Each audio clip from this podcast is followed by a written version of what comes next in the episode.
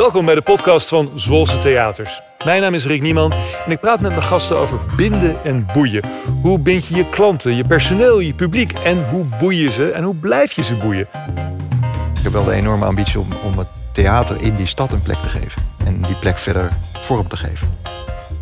Nou, wat, wat ik heel erg belangrijk vind, is dat de mensen het gevoel krijgen dat het ook hun bedrijf is. Dat zij verantwoordelijkheid dragen voor dat stuk wat zij binnen het bedrijf doen.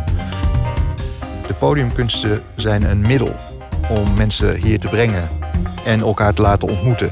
En daarover te gaan praten met elkaar. Dus met elkaar in contact te staan over het onderwerp dat hier speelt. En niet een doel.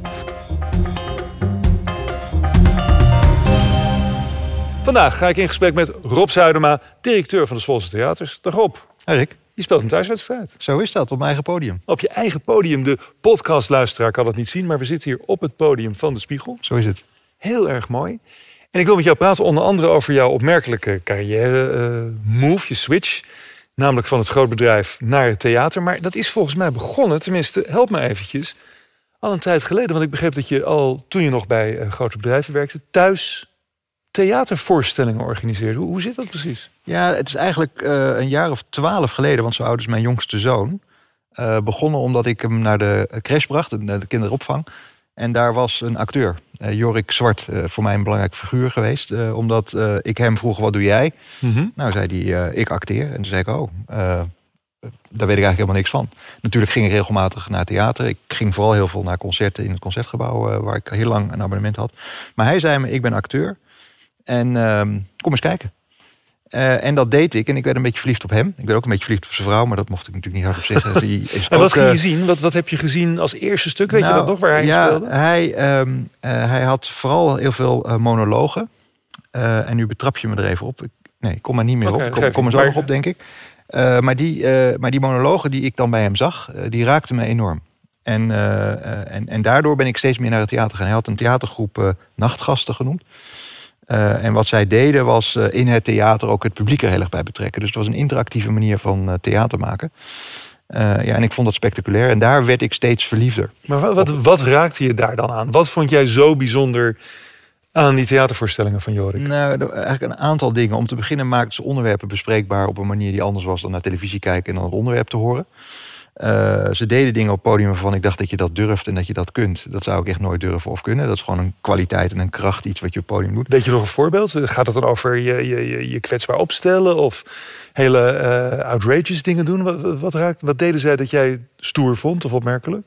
Nou, vooral ook iets anders kunnen zijn dan ik van jou wist. Dus als je op het podium bent en je speelt een rol dan kun je rollen doen uh, die, die, die mensen zijn, personen zijn, uh, dingen willen laten zien, emoties laten zien, die je misschien op dat moment helemaal niet in je hebt, omdat je niet verliefd bent of omdat je niet treurt of wat dan ook. En dat je dan een totaal ander mens kon zien dan die Jorik Zwart die ik dus zo kende.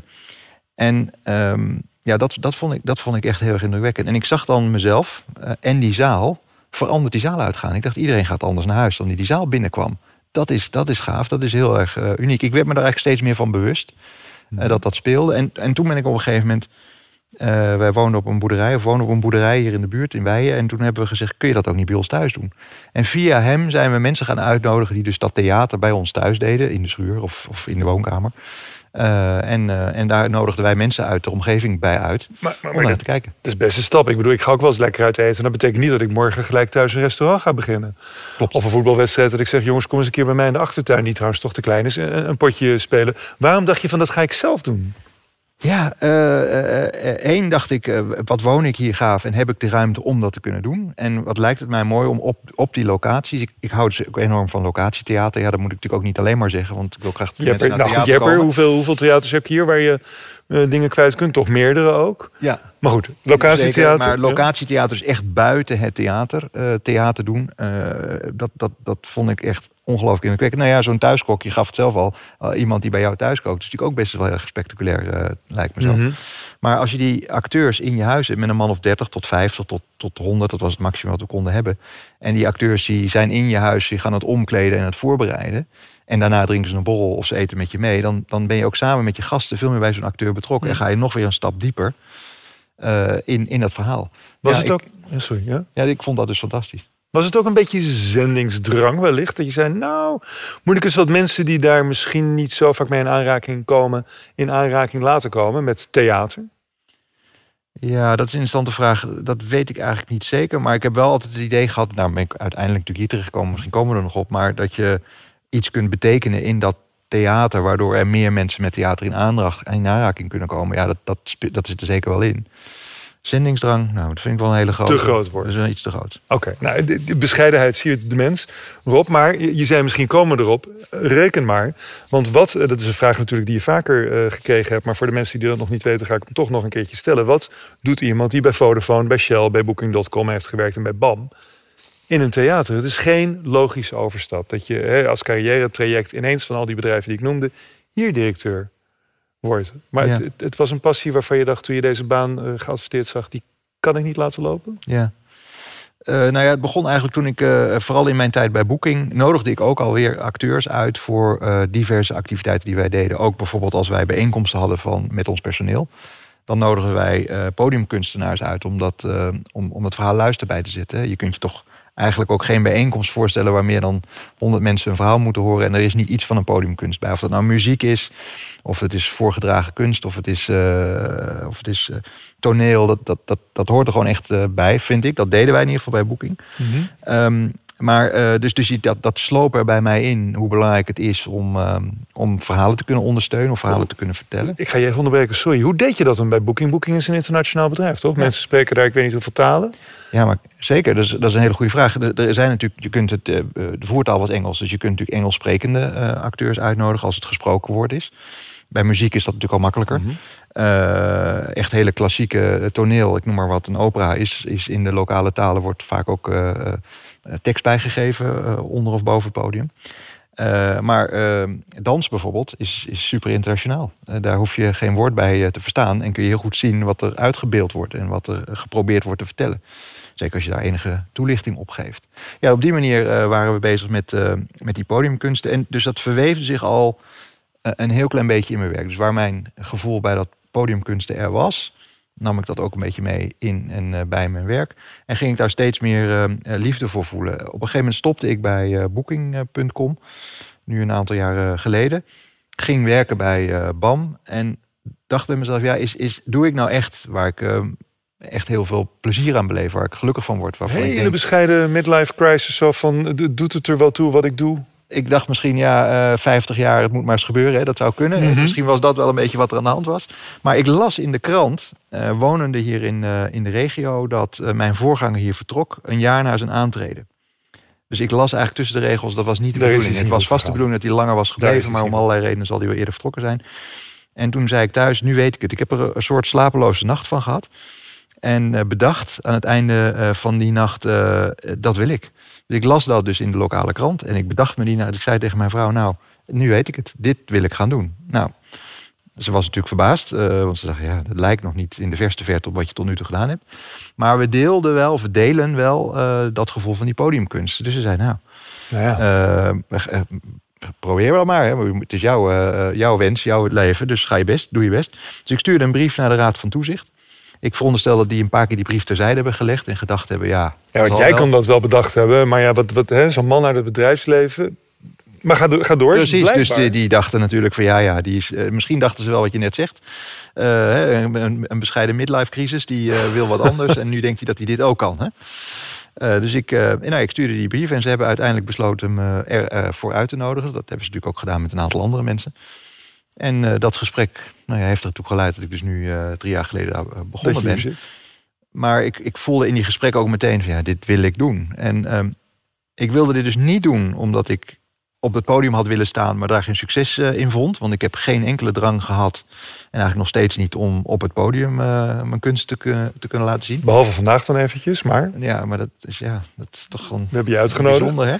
Uh, en je staat er eens een enkele keer, maar ik heb dus geen enkele ambitie om toch acteur te worden of zo. Hè? Of zanger of muzikant of iets dergelijks. Die, die ambitie is er niet. Maar ik heb wel de enorme ambitie om, om het theater in die stad een plek te geven. En die plek verder vorm te geven.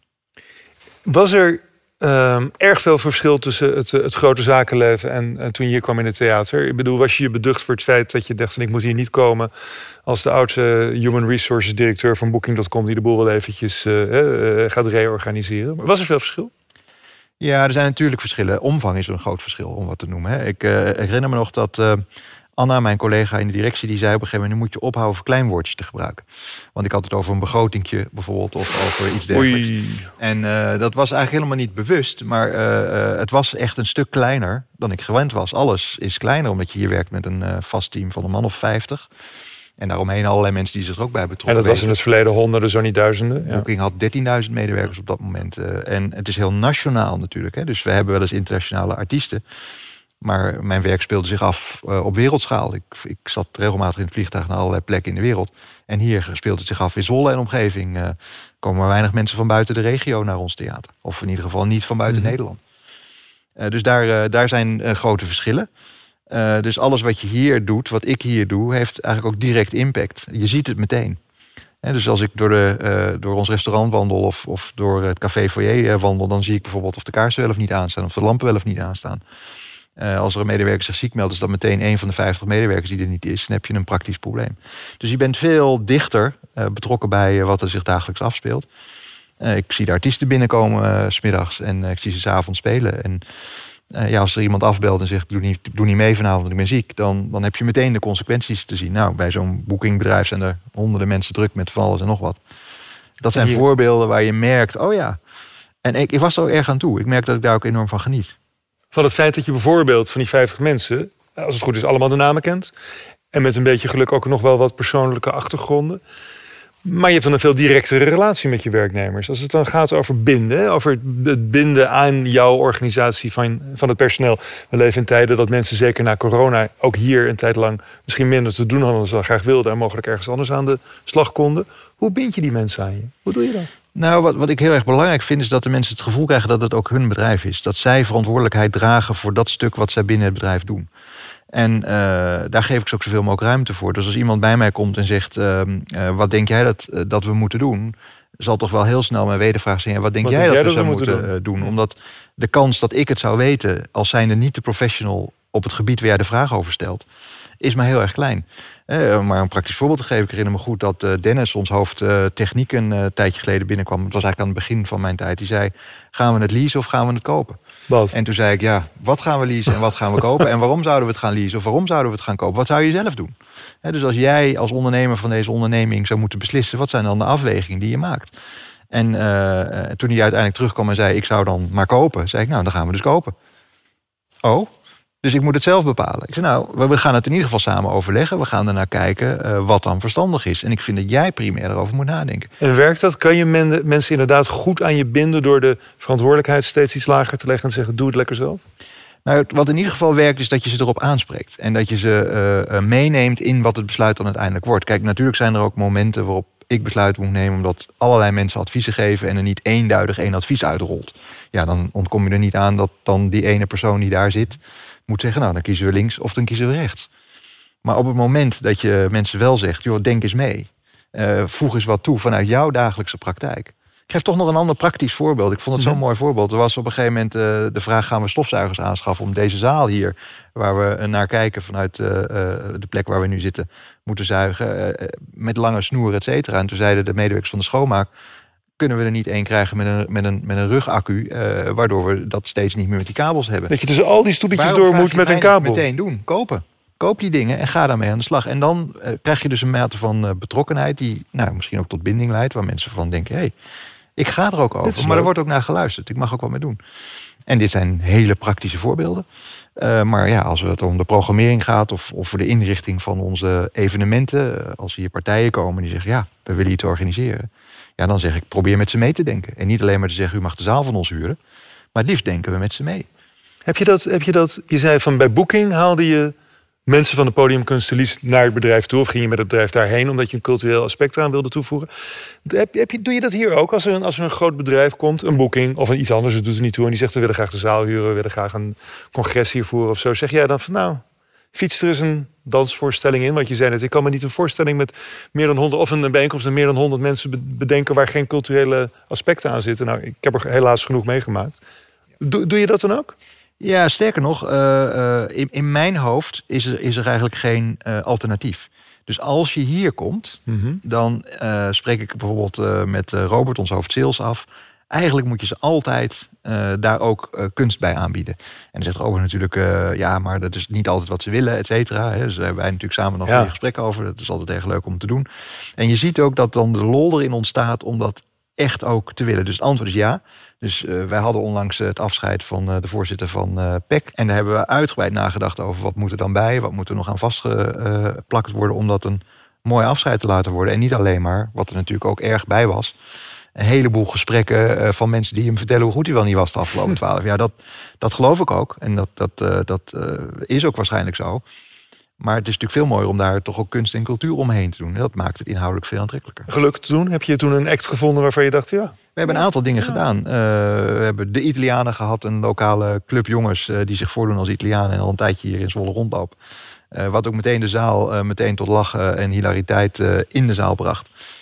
en het dus veel gezelliger maakte dan weer een, weer een man of een vrouw die een verhaal vertelt. En, en dat, dat, dat maakt zo'n middag veel inhoudelijk leuker. Maar het kan natuurlijk af en toe best een beetje schuren. Want iemand zegt ik wil jouw zaal graag huren. En jij zegt dat is goed, mits je die en die ook uitnodigt. Met zoveel woorden. Ja, ik zeg niet die en die. Maar ik zeg wel uh, in welke genre. Want ze nodigen ook wel eens iets uit. Of ik denk, nou, uh, het zou misschien mijn keuze niet zijn. Maar dat is niet relevant. Want kunst en cultuur is zo breed. Dat van de 400 voorstellingen die wij bijvoorbeeld voor het publiek organiseren. Of de 200 voorstellingen voor bedrijven die onze zalen huren. Uh, ja, de inhoud daarvan is lang niet altijd wat ik persoonlijk interessant vind. Waar het om gaat is dat die zaal dat vindt. En als de, degene die het bij ons huurt zegt... dit wil ik mijn publiek laten zien... nou, dan vind ik het bij wijze van spreken altijd goed. Uh, als dat maar gebeurt. En dan ben je toch heimelijk natuurlijk blij en tevreden als het gelukt is. Als inderdaad die culturele component er weer Zeker. in is. Het is overigens een goed moment voor, zoals de Amerikaanse journalistiek dat zo mooi noemt... een kleine disclaimer te plaatsen. We kennen elkaar, want ik ben lid van de Raad van Toezicht van uh, Zwolse Theaters. Dus sommige van de dingen die jij mij er vertelt, had je in, uh, in uh, nou, de beslotenheid van de bestuurskamer wellicht al een keer verteld. Maar eigenlijk is alles transparant, dus alles mag ook naar buiten verteld worden.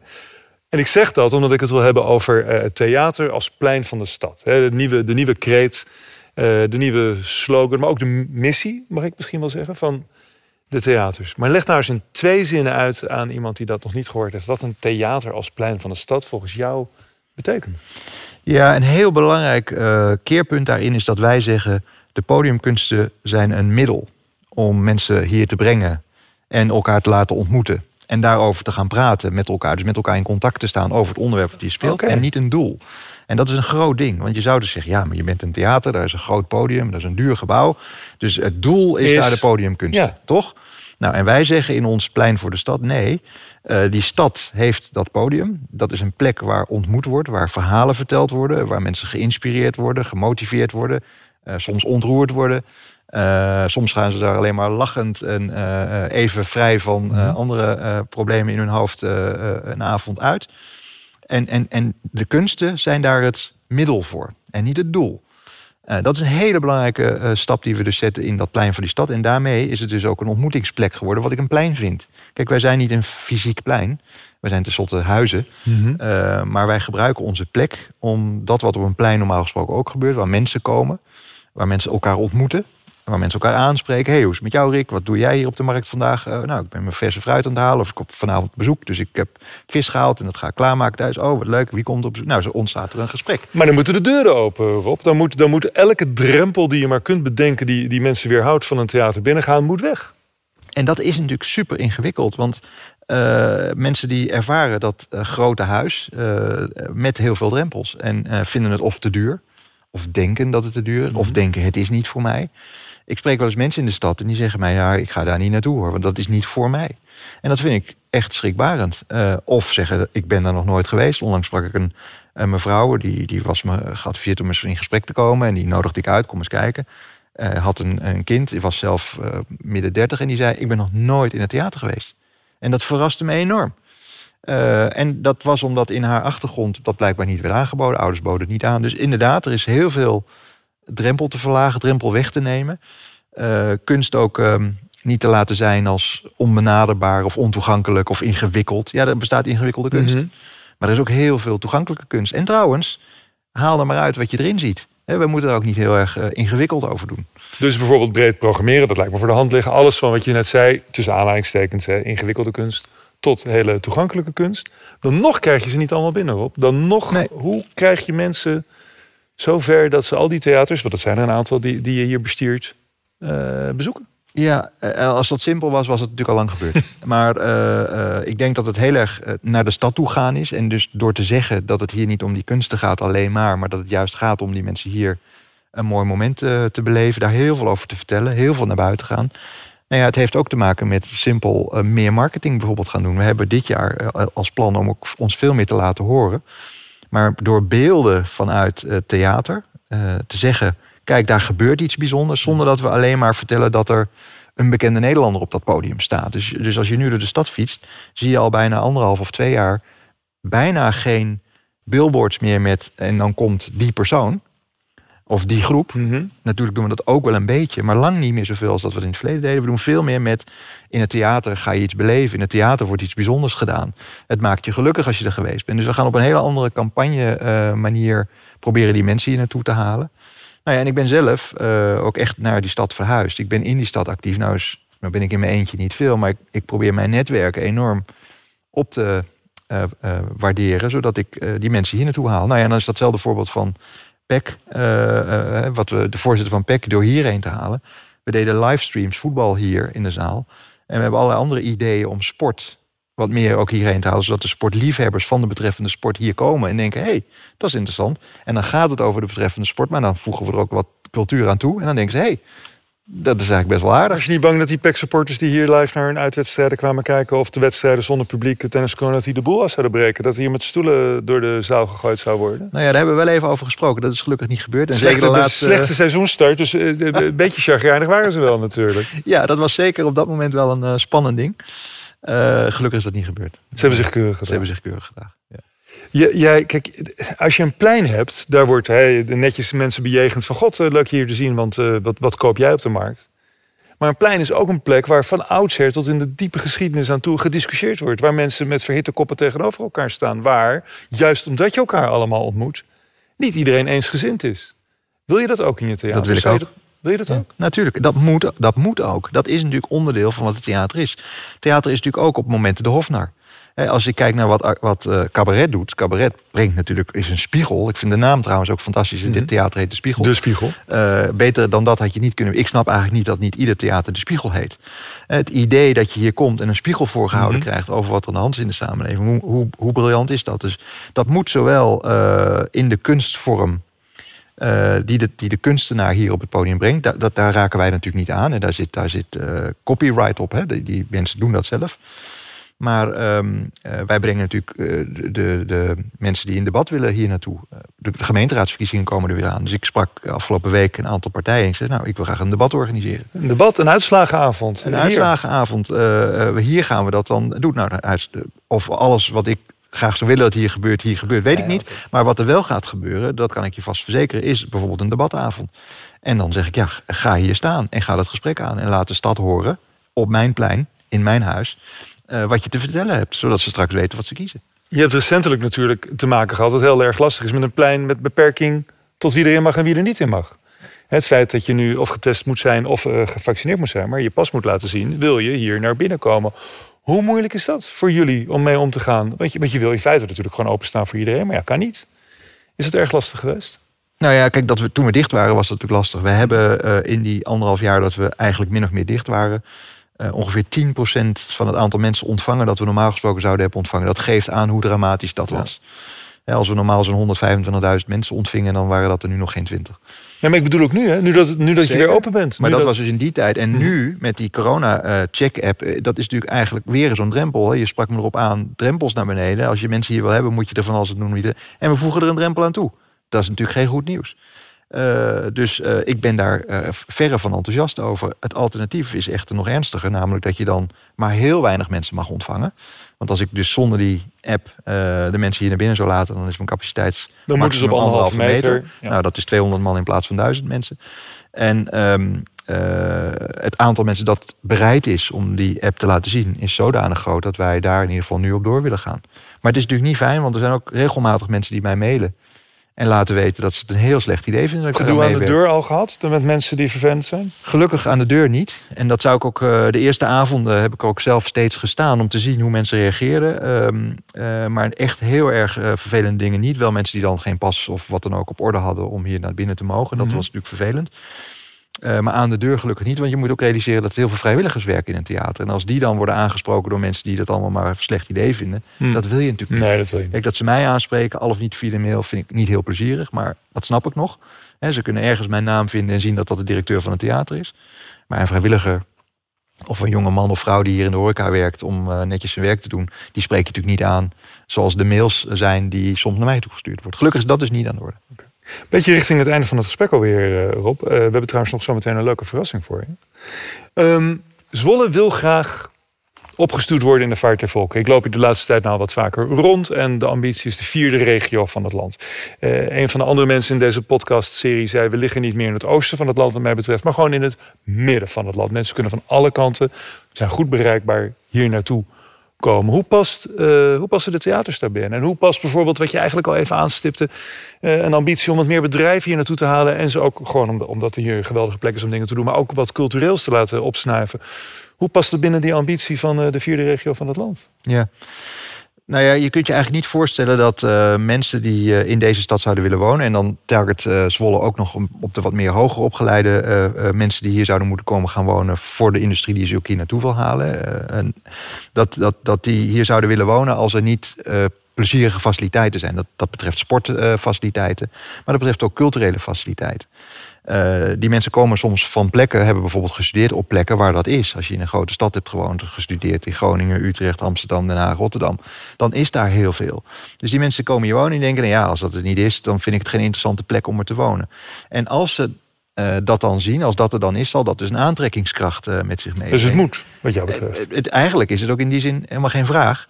Eh, maar moet het inderdaad. En niet alleen maar in onze theaters, ook in de musea. We zullen onze museale eh, capaciteit moeten gaan ophogen. En we zullen ook onze eh, activiteiten buiten, dus de festivals die we hebben, zullen ook moeten worden opgewaardeerd. Groter moeten worden, inhoudelijk sterker moeten worden.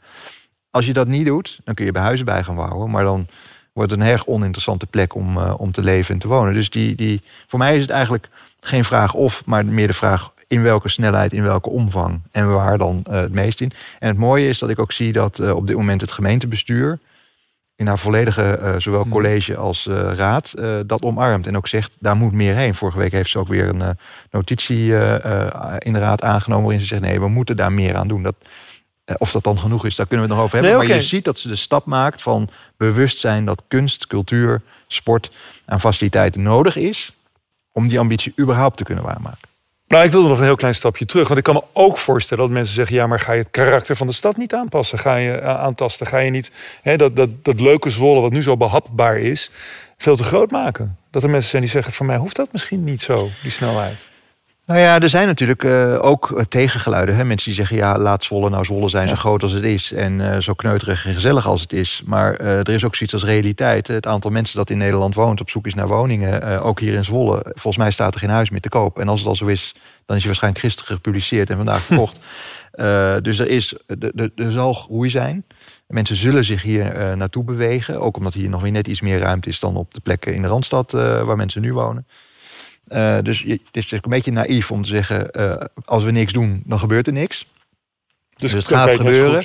Dan moet je het kanaliseren. Eh, nou, het is aan het gemeentebestuur om dat, om dat te kanaliseren. En het is om ons en, en, en mij in, in theaterzin om daar theater aan toe te voegen. En dat ook daarmee aantrekkelijk te maken. Je bent nu drie jaar directeur hier. Ja.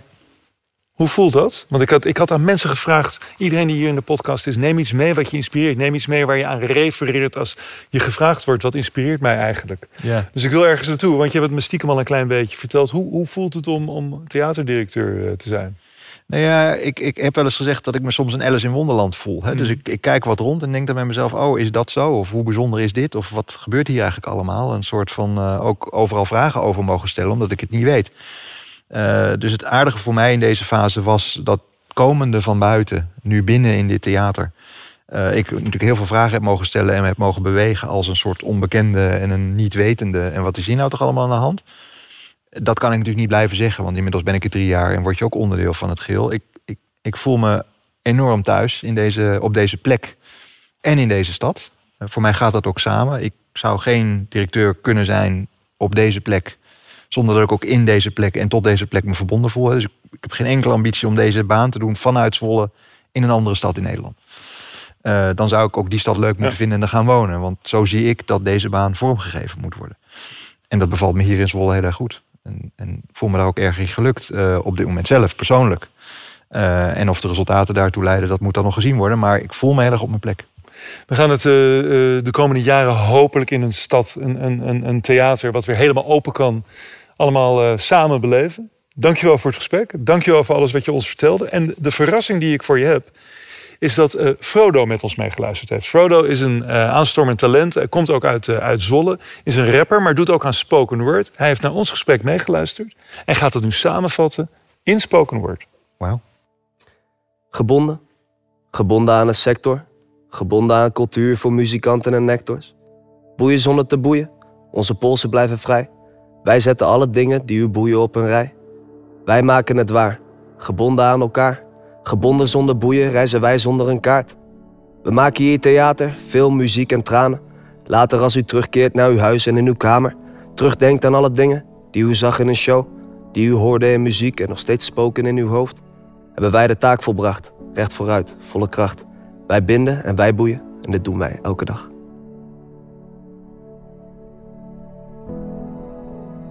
Rob Zuidema.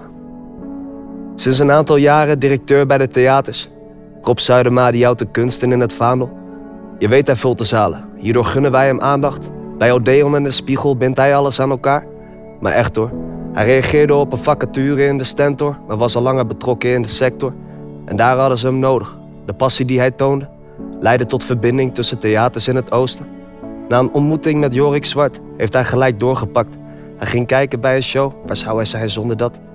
Door de riemen die hij roeide, kunnen we meerdere types boeien. Rob, Dankjewel voor de theaters laten groeien. Hartstikke bedankt. Mooi. Mooi. Dankjewel. Super man.